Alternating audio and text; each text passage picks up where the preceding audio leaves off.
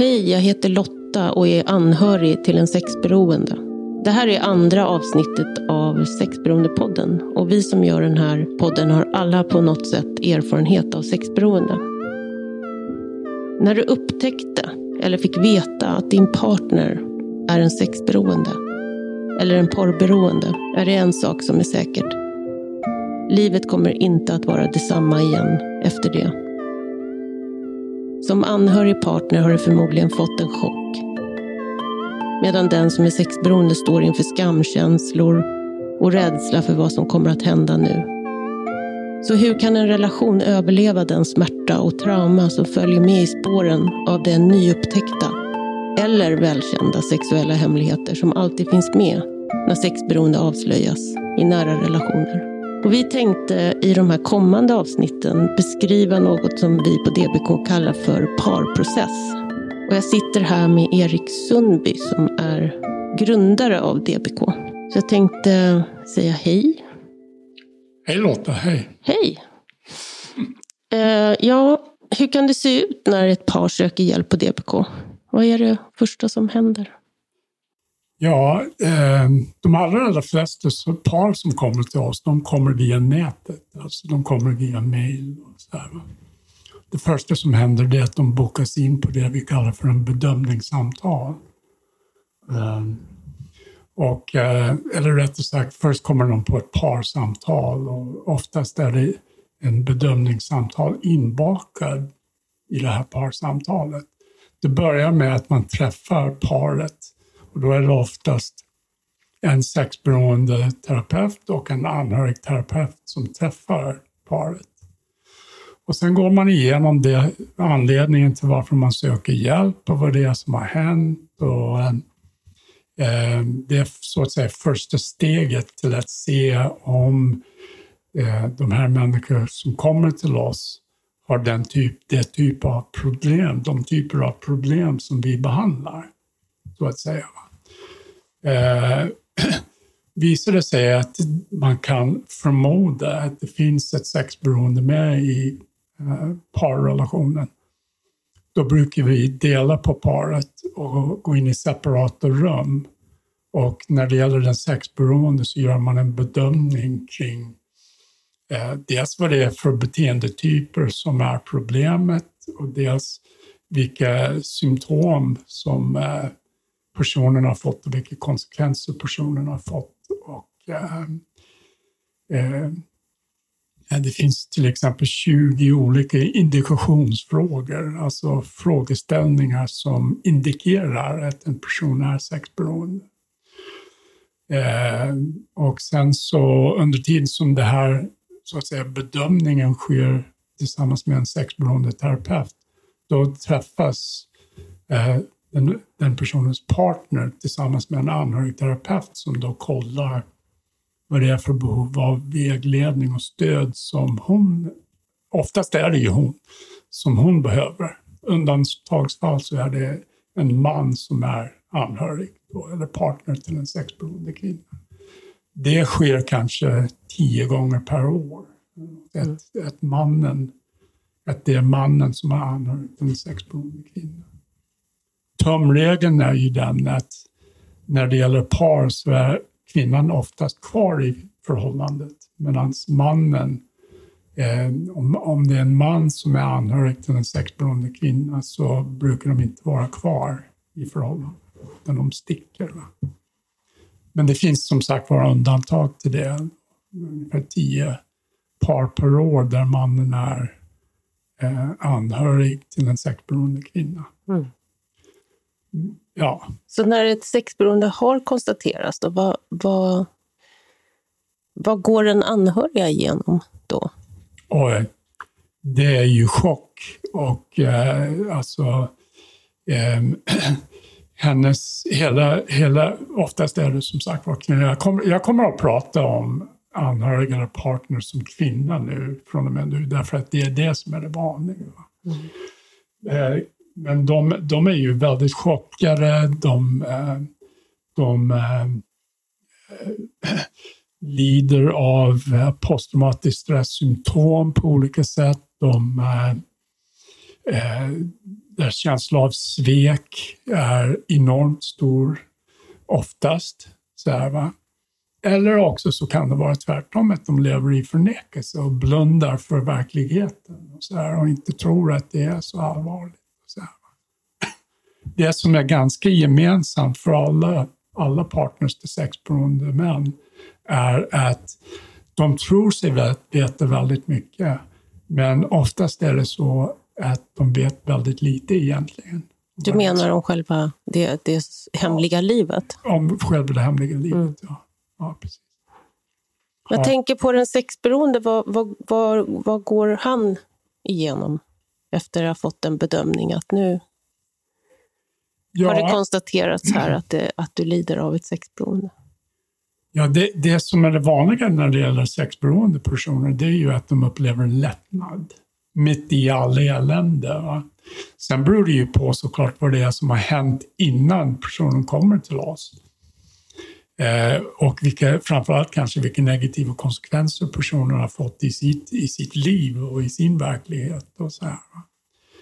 Eh, är det så att man har fått väldigt allvarliga negativa konsekvenser så har hela det här hemliga livet mer eller mindre lagts upp på bordet. Va? Och eh, i alla fall stora delar av den. Och eh, eh, oftast är det så att eh, de här människorna, när de väl kommer till oss, då är de väldigt, väldigt less på att hålla alla bollar i luften och jonglera för att, för att dölja och hemlighålla. Och det går väldigt mycket tid och energi till det. Så att när man väl släpper bollarna, så här, va, då, då är det oftast en lättnad som man upplever. Mm. Samtidigt som man känner väldigt mycket ångest såklart över det som har hänt och vilka skador framförallt man har åsamkat sin partner. Och så här. Mm. Det finns någonting som, som eh, du brukar kalla för en katalytisk händelse. Vad är det för någonting? Ja, en katalytisk händelse det är det här avgörande ögonblicket när någonting händer som gör att vågskålen tippar över så att man blir villig att söka hjälp. Så här, mm. Kan du ge exempel på vad, vad du har sett liksom under dina år? Oj, ja, det är ju väldigt många olika händelser. Men eh, eh, ja, jag hade en, en, en kille vars, som skulle han var arkitekt och han skulle redovisa en, eh, ett stort projekt som han hade. Eh, och han klarade inte av det, utan eh, det var så här att precis natten innan som han skulle redovisa den här, det här projektet, då, då blev han ju klar med själva projektet. Så här. Klockan var väl ungefär halv ett på natten när han blev klar med alltihopa. Och då satte han sig ner, pustade ut och tänkte så här att nu måste jag belöna mig själv för att jag har varit så jävla duktig och gjort de här grejerna och jobbat över och verkligen kämpat på liksom, för att få den här, den här grejen klar i tid. Eh, och just den här personen hade, hans beteende var att köpa sexuella tjänster då. Så att det första han tänkte på när han skulle, sa att han skulle belöna sig själv, det var ju vilka strippklubbar han har varit på, vilka thaimassageställen han har varit på, vilka olika prostituerade han hade telefonnummer till. Och så slutade det med att han ringde och satte sig i taxi och åkte dit. Och eh, han hade också en eh, beroendeinteraktion vilket innebär att han använde kola, alltså kokain. Då. Så att han var uppe hela natten och snortade kokain och köpte sexuella tjänster. Så att han missade den här tiden som han skulle träffa styrelsen till, till det här storföretaget. Och han skulle liksom bygga deras huvudkontor. Va? Så han missade alltihopa. Och eh, dagen efter det så, så bokar han in en tid för bedömning hos oss, mm. till exempel. Mm. Så att man får allvarliga negativa konsekvenser av det man gör. Eh, det är det som är en katalytisk händelse. Mm. Just det här att nej men fan, jag klarar inte det här längre, jag behöver hjälp. Det funkar inte. Så. Mm. Och ibland är det den anhöriga som, som kommer på, eh, hittar något kvitto eller ja. hittar hemligheter i mobilen. Eller? Det, det är precis, det, det, det är ju det vanliga, att man blir avslöjad av sin partner. Mm. Eh, jag har ingen statistik så, va? men jag skulle tippa på att uppemot ja, 90 procent av de som söker hjälp eh, har, har varit med om det, att deras partner har avslöjat sexuella hemligheter. Mm. Om, vi, om vi går tillbaka till den här parprocessen då, som vi ska försöka liksom beskriva, så finns det åtta grundregler som, som har utarbetats på DBK ja. för läkning i parrelationen. Skulle du vilja berätta de här, vad de här åtta grundreglerna är för någonting? Som sagt var, de här grundreglerna, de, de bygger på en massa misstag som har gjorts i det förgångna, så har vi liksom under årens lopp, sedan 2002 faktiskt, ehm, eh, liksom jobbat på att få ihop ett program för läkning för par som fungerar. Och, så här. och de här olika grundreglerna de avlöser så att säga varandra också. Så att man kan inte göra det ena om man inte gör de föregående. Så Det börjar med att eh, när det gäller par så behöver var och en i parrelationen hitta sin egen väg i läkning. Eh, och fungerar inte det, då kan man inte gå in i nästa grundregel som handlar om, som, som är grundregeln om fullständiga avslöjanden. Så, va? Man måste ha, var och en måste ha en stabil grund att stå på för att man ska kunna göra ett fullständigt terapeutiskt avslöjande. Så.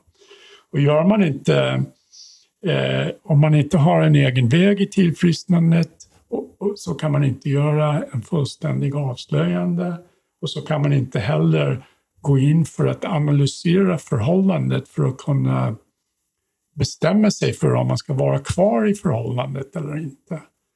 Eh, det är klart att man kan bestämma sig för att lämna förhållandet även innan det, men då har man inte all den information man behöver för att kunna ta ett kognitivt beslut om det. Så, va? Så det är grundregel eh, tre då, efter att man har fått höra ett fullständigt avslöjande. Och då använder vi eh, en modell där vi går in och tittar på eh, fyra olika områden i parrelationer för, för att liksom kunna analysera eh, varje, varje del av parförhållandet. Eh, och det är först efter det då som man kan bestämma sig för att vara kvar i förhållandet. Och det är följaktligen grundregel fyra. Det är att, okej, okay, ska jag satsa på det här? Ska jag inte satsa på det här? Grundregel 5, det handlar om om man inte har möjlighet att utifrån att man har analyserat eh, styrkan i förhållandet om man ändå har svårt att bestämma sig för om man ska vara kvar eller inte, då har vi ett verktyg som kallas för terapeutisk separation, där man så att säga tränar på att leva separata liv. Antingen så eh, flyttar den sexberoende personen oftast ut ur det gemensamma boet. Så, va? Eller också så har man separata sovrum i, i det gemensamma boet. Och sen så bestämmer man vilka regler som ska gälla under den här terapeutiska separationen, vad syftet är och eh, hur kontakterna ska se ut och så vidare. Om man gör en terapeutisk separation Eh, så att säga och bestämmer sig efter det för att vara kvar, att ändå ge förhållandet en chans, så då kommer ju nästa grundregel och det handlar om Eh, ett arbete för att återskapa eh, tillit och förtroende i relationen. Och eh, väldigt mycket av det arbetet det hänger ihop med den sexberoende, för det är ju ändå den sexberoendes beteenden som har skapat tillitsbristen. Så. Men eh, även eh, den sexberoendes partner får uppgifter som handlar om att, att eh, återskapa tillit i relationen. Sen efter det så kommer grundregeln om att återskapa intimitet, alltså, alltså icke-sexuell intimitet, närhet och så här. Eh, och sen efter det så kommer grundregeln om att återskapa sexuell intimitet. Så. Mm. Kort, I korthet så är det så ja, det ser ut. Precis, och vi tänkte att vi skulle gå in lite närmare på de här två första grundreglerna. Om man tar den här grundregeln ett, var och en behöver hitta sin egen väg genom tillfrisknande och läkning. Var börjar den anhöriga partnern sin resa, skulle du säga? Ja, hos oss så har vi gjort så här att vi har um, um, delat upp både eh, den sexberoende och den sexberoende partners behandling i tre olika faser. Så att efter bedömningen, om man konstaterar att eh, sexberoende är problemet i den här parrelationen, så erbjuds oftast den sexberoende att gå i grupp, fas 1-grupp, och eh, partnern erbjuds gå i en fas 1-grupp för anhöriga. Och eh, där handlar det om att, att eh, för det första så är det så här att när det gäller partners så är det ju inte så här att de har bett om att få det på det här sättet. Ehm, de, har, eh, de har fått reda på sexuella hemligheter i deras relation som de absolut inte har eh, medverkat i att skapa eller, eller varit medvetna om. Saker som har pågått bakom ryggen på dem. Utan, utan det, det har inte funnits någon överenskommelse i parrelationen om att eh, det här ska liksom, att man ska kunna göra på det här sättet. Så de är ju oftast väldigt chockade. Och det är det väldigt mycket av fas 1 handlar om. Att, att liksom acceptera det orättvisa i att det, har blivit, att det är på det här sättet. Så, va? Eh, och sen är det ju också det att eh, tyvärr så, så är den eh, tyvärr så är partnern tvungen att lära sig en hel del om posttraumatisk stress, om vad som händer med oss människor när vi känner oss svikna. Um, vilka olika reaktionsmönster som man själv har och uh, använda interventioner eller motkrafter för att kunna hantera de reaktionsmönstren. Um, för att senare gå in och, och, och arbeta med att reparera sin självkänsla och identitet. Eh, att arbeta med framtidsperspektivet och, och skaffa sig en målbild inför framtiden. Och så här, va? kommer ju sen också. Mm. Mm. Och eh, när det gäller en sexberoende, att hitta sin egen väg genom tillfrisknande, vad, vad är det som gäller för en sexberoende? För en sexberoende är, ehm, är det så att en del av sanningen, eller kanske till och med hela sanningen, har lagts på bordet. Han, han har tidigare jonglerat med en massa olika känslor kring sina, sitt hemliga liv. Ehm, det mest tydliga är nog ändå rädsla och skam. Och det är det som kommer upp då när man avslöjas i sina sexuella hemligheter. Det är rädsla och skam rädsla för vad som kommer att hända nu och skam över att de här sexuella hemligheterna har avslöjats. Eh, det kan även finnas som sagt en känsla av lättnad. Att jag slipper liksom hålla färgen. Jag slipper jonglera de här bollarna längre. Utan, så här, man, man kan dra en lättnadens suck också faktiskt. Mm. Det som är um, behandlingsmässigt det främsta eh, för, för sexberoende människor eh, som kommer i kontakt med eh, avslöjanden och så här, det är ju att det faktiskt är nu som det finns en möjlighet att göra en förändring. Så är det ju inte för den anhöriga. De lämnas med bara en känsla av svek. Så här, det är ungefär som om jag har det här jättestora tunga paketet som jag springer runt och bär på, som är väldigt tungt att bära, som jag också ska, också ska hålla dold för alla människor. Så, här. så ingen får se det här paketet heller. Så tar det väldigt mycket tid och energi att bära på det här paketet. Det som har hänt oftast är att jag har kastat över paketet till min partner. Jag känner mig befriad, men det är partnern som får bära eh, liksom paketet. Så. Och det är det man som partner behöver arbeta med i fas 1 i vår behandlingsprogram. Att inte bära det här paketet. Så. Det gör man genom att göra en fullständig avslöjande. Så, för genom att göra det så visar den sexberoende att det här är mitt problem. Det är jag som är problemet, inte du. Mm. Så motverkar den här känslan av total orättvisa som partners bär på.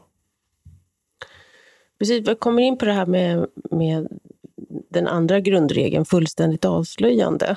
Uh, och då finns det ju olika sätt som, som de här avslöjandena kan gå till. Att, eh, att få det kastat i ansiktet, som vi var inne på tidigare, att man liksom hittar någonting. Men finns det, finns det andra sätt att, att liksom, som det här avslöjandet går till på? Absolut, det finns flera olika sätt. Eh, det du beskrev nu, att få det kastat i ansiktet, det, det är kanske en av de eh, eh så att säga, vanligaste sätten. Eh, då handlar det om att partnern går in i ett rum och upptäcker att Eh, den, den sexpersonen ägnar sig åt ett videosamtal till exempel, eller eh, med en helt okänd kvinna, eller håller på att surfa porrsajter och onanerar. Eh, och du avslöjar det här och ehm, ehm, han sätter sig ner och så berättar han allt som han har gjort. Så. Sen finns det en annan företeelse som kallas för stapplande avslöjanden. Och, eh, då, då, då, innebär det att eh, du som partner hittar några sexuellt relaterade sms på din partners telefon till exempel. Eh, och din partner berättar lite om sitt sexuella beteende. Du tror att du vet allt, men några veckor senare bekänner din partner lite mer för dig. Och så fortsätter det här. Så att du får information om det här hemliga livet lite då och då. Och det där kan vara ganska lång tid, faktiskt. Det där. Och det urholkar också relationen. Eh, det urholkar tillit i relationen och det urholkar mening i relationen. Och så här, va? Det kan, det kan vara till och med månader eller år. Då. Och är väldigt skadlig både för den anhöriga och för den sexberoende. Det är skadligt för den anhöriga av den anledningen att varje gång det kommer ett nytt avslöjande så blir man återtraumatiserad. Så, här, va? så att posttraumatisk stresssymptomen utvecklas mer och mer i, i, när det handlar om stapplande avslöjanden. Sen finns det en annan eh, typ av avslöjande som kallas för stapplande exponeringar. Och det är när partnern har upptäckt några av den sexberoendes beteenden och den sexberoende har erkänt, har erkänt i samband med att partnern har gått in och till exempel gått in och, och hittat porr. Där, Och så har eh, den sexberoende erkänt att han är beroende av porr i, i samband med det här. Eh, och sen så börjar den anhöriga att agera detektiv och avslöjar mer och mer och mer och konfronterar den sexberoende allt eftersom hon upptäcker mer och mer. Eh, som då erkänner mer och mer och mer. Eh, och, och, det är också så här att det här kan också pågå i veckor, månader eller år. Så här, va? Det låter som en sån här katt och råtta Ja, det är ju det. Det är ett mm. spel mm. där, där uh, den sexberoende blir expert på att dölja. Mm det han håller på med och eh, hans partner blir expert på att hitta bevis. Så här, va? Och eh, eh, det är oerhört skadligt för parrelationen givetvis. Sen en annan sätt att eh, få information om det här hemliga sexlivet som en partner har är genom att bryta igenom via detektivarbete. Så att eh, du som partner, du känner på dig att det är någonting som stör i relationen. Du kan inte sätta fingret på vad det är, men du känner att din man är, är lampan är tänd, men det är ingen hemma oftast. Eh, det är hål i staketen och fåren betar någon annanstans, som man säger. Mm. Så här, va? Du känner att din man är inte närvarande längre i relationen. Och du liksom letar efter, du börjar leta efter och undersöka olika saker för att få reda på vad det är som pågår egentligen. Så du kan eh, eh, leta i plånböcker, du kan följa efter din partner eh, utan att han vet om det. Du kan, eh, det mest extrema exemplet som jag har varit med om, det var en kvinna som kom till DBK med en eh, laptop och öppnade den och så hade hon eh, en, en sån här, jag vet inte vad det heter, en sån här, eh, där, där, där hon kunde veta, hon, fick, hon visste var sin man var. var. Det är en sån där liten som spioner mm. använder, liksom, om de ska spåra en annan. Mm. Där, så hon hade lagt in en sån i, i um, hans jacka, så, här, så hon kunde, veta, hon kunde se på laptopen precis var han var någonstans så berättar hon att ja, nu går han in på den och den adressen där och där är det en vänsterprasse som han har och så här, va. Och sen så hade hon rödmarkerat olika områden på en karta på laptopen där han hade flera älskarinnor. De kunde följa med honom så där, var, var han än var. Så här. Men eh, när man bryter igenom via detektivarbete, då handlar det om att Eh, att man eh, konfronterar den sexberoende med det man har upptäckt. Sen erkänner den sexberoende det här. Men det är också en sån där grej som kan pågå ganska länge. så här att Det är inte alla gånger som den sexberoende erkänner, utan man måste överbevisa och så här. Mm. Så när människor kommer in, eller par kommer in i, i behandling på DBK så kan det se ut lite olika hur mycket man har hållit på med det här innan. Ja, precis. Och för att det finns ju någonting då som heter fullständigt avslöjande eller terapeutiskt avslöjande som kommer efter ett tag i, i mm. processen. Vill du berätta lite om, om vad, vad vinsterna är för relationen med, med terapeutiskt avslöjande? Så som man jobbar med det på DBK. Men vinsten med att göra en terapeutisk avslöjande, det, det handlar för det första om att, att den sexberoende avslöjar allt. Så, så han får ju uppgift i sin grupp om att skriva det vi kallar för en utegående lista. Och det är en lista över vad han har utagerat i, när han har gjort det, hur mycket pengar han har gjort av med eh, och eh, datum och tid och så här. Va? Eh, och den, är, den är ju ganska omfattande den här utegrandelistan och tar lite tid att skriva och så här. Och det, det skriver han tillsammans med en sexberoende terapeut. Så. Och eh, speglar av det i gruppen och så får han feedback och, och, spegling av gruppen för att känna att han vågar stå för det här. Så, va? Varför är det viktigt att, att göra en sån där utagerande lista för en sexberoende? För ett sexberoende så handlar det om att eh, acceptera och erkänna att han är maktlös inför sitt beroende. Att de här beteenden som han har ägnat sig åt är ett uttryck för beroende, det vill säga att de har varit tvångsmässiga. Men att han från och med att han kommer in i behandling har möjlighet att ta ansvar för det han gör och förändra sitt liv. Eh, Eh, och börja tillfriskna istället. Så. Det, det, går till så att man bokar in ett par samtal. För det första, medan eh, mannen håller på med att göra en utegrande lista i sin grupp så håller kvinnan på med att göra en förberedelse för att kunna ta emot den här utegrande listan. Och eh, när både kvinnan är klar, klar med sin förberedelseuppgift och så att säga har gjort en plan för hur de ska hantera det som kom, eventuellt kommer upp i ett par samtal där han läser upp den här utegrande listan. Så, så är det ju likadant för honom, att han gör klart listan och allt ska upp. Va? Och utan ursäkter eller förklaringsmodeller, utan bara en, en ganska kal beskrivning av vad man har gjort och när man har gjort det. Och så här. Så vinsten för den anhöriga, vad är, vad är det?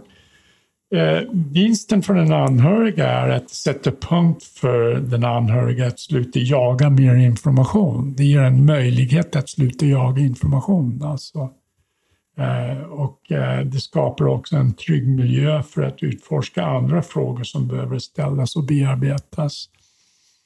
Eh, och eh, det ger också en möjlighet att reflektera över eller överväga och etablera personliga gränser utifrån korrekt information. Så, va? så att nu bör, när man har fått till sig en utegränslista, då vet man vad det är som har hänt. Så här, va? Det ger också en viss upprättelse. Eh, man kan sätta partnerns sexuella utegränden i ett sammanhang genom att titta på sitt eget liv. Till exempel en av de vanligaste försvaren som sexberoende personer har, det är ett försvar som kallas för tokiggörande. Där man liksom eh, eh tokiggör sin partner för att slippa ta ansvar för sina sexuella utageranden. Så, och genom att få en utagerande lista då får partnern svar på Jaha, det var då han gjorde det här och det här, liksom, så att man kan sätta in det i ett viktigt sammanhang. Eh, men också att det skapar möjligheter att växa eh, som par utifrån att man har delad information och kunskap om vad som har pågått i det förflutna. Så här, den här avslöjande processen den är ju uppdelad i tre olika delar. Då. Den första delen har vi ju pratat om, det kallas för utegrande lista. Då. Och eh, eh, när den sexberoende, när vi har bokat in ett par samtal där den sexberoende läser upp sin utegrande lista för sin partner, då får eh, givetvis den anhöriga eller partnern möjlighet att reagera på det, ställa frågor och så här såklart. Men hon får oftast, eller hon får också i uppgift att göra det vi kallar för ett svarsbrev som hon bollar i sin grupp med andra anhöriga och som ett sätt att svara an på det som hon har fått reda på i utegrandelistan. När hon är klar med den, då bokar vi in ett nytt parsamtal där hon får läsa upp sitt svarsbrev för sin partner. Sen efter det, då, då får den sexberoende en ny uppgift som handlar om att skriva det vi kallar för ett klargörande brev. Och eh, då handlar om att förutom att ta ansvar för sina sexuella utegranden så handlar ett klargörande brev också om att ta ansvar för vilka försvarsmekanismer man har använt sig av för att dölja det hemliga livet och hur man har betett sig, hur man har gjort för att, för att liksom dölja eller minimera eller rationalisera sina beteenden. Så tredje delen av avslöjandeprocessen handlar om att den sexberoende skriver det vi kallar för ett empatibrev. Så, och det handlar om att han ska utifrån sin förmåga att kunna göra det sätta sig in i hur det måste vara att vara gift med honom och uttrycka empati gentemot sin partner. Då. Ibland får partnern i uppgift att skriva ett svarsbrev på det. Men eh, ibland, allt som, ofta, allt som oftast så behövs inte det. Liksom. Det blir en väldigt fin stämning oftast. I och, med att, och, och en känsla av lekning och upprättelse.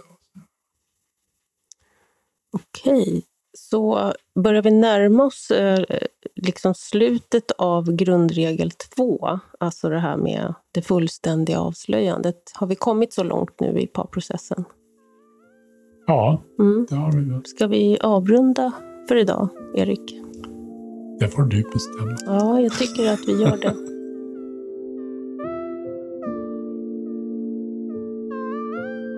Jag tycker alltid det är så svårt det här med hur man ska sluta. Kan jag bara säga så här, men tack eh, för idag Erik. Eh, eh, Vi hörs.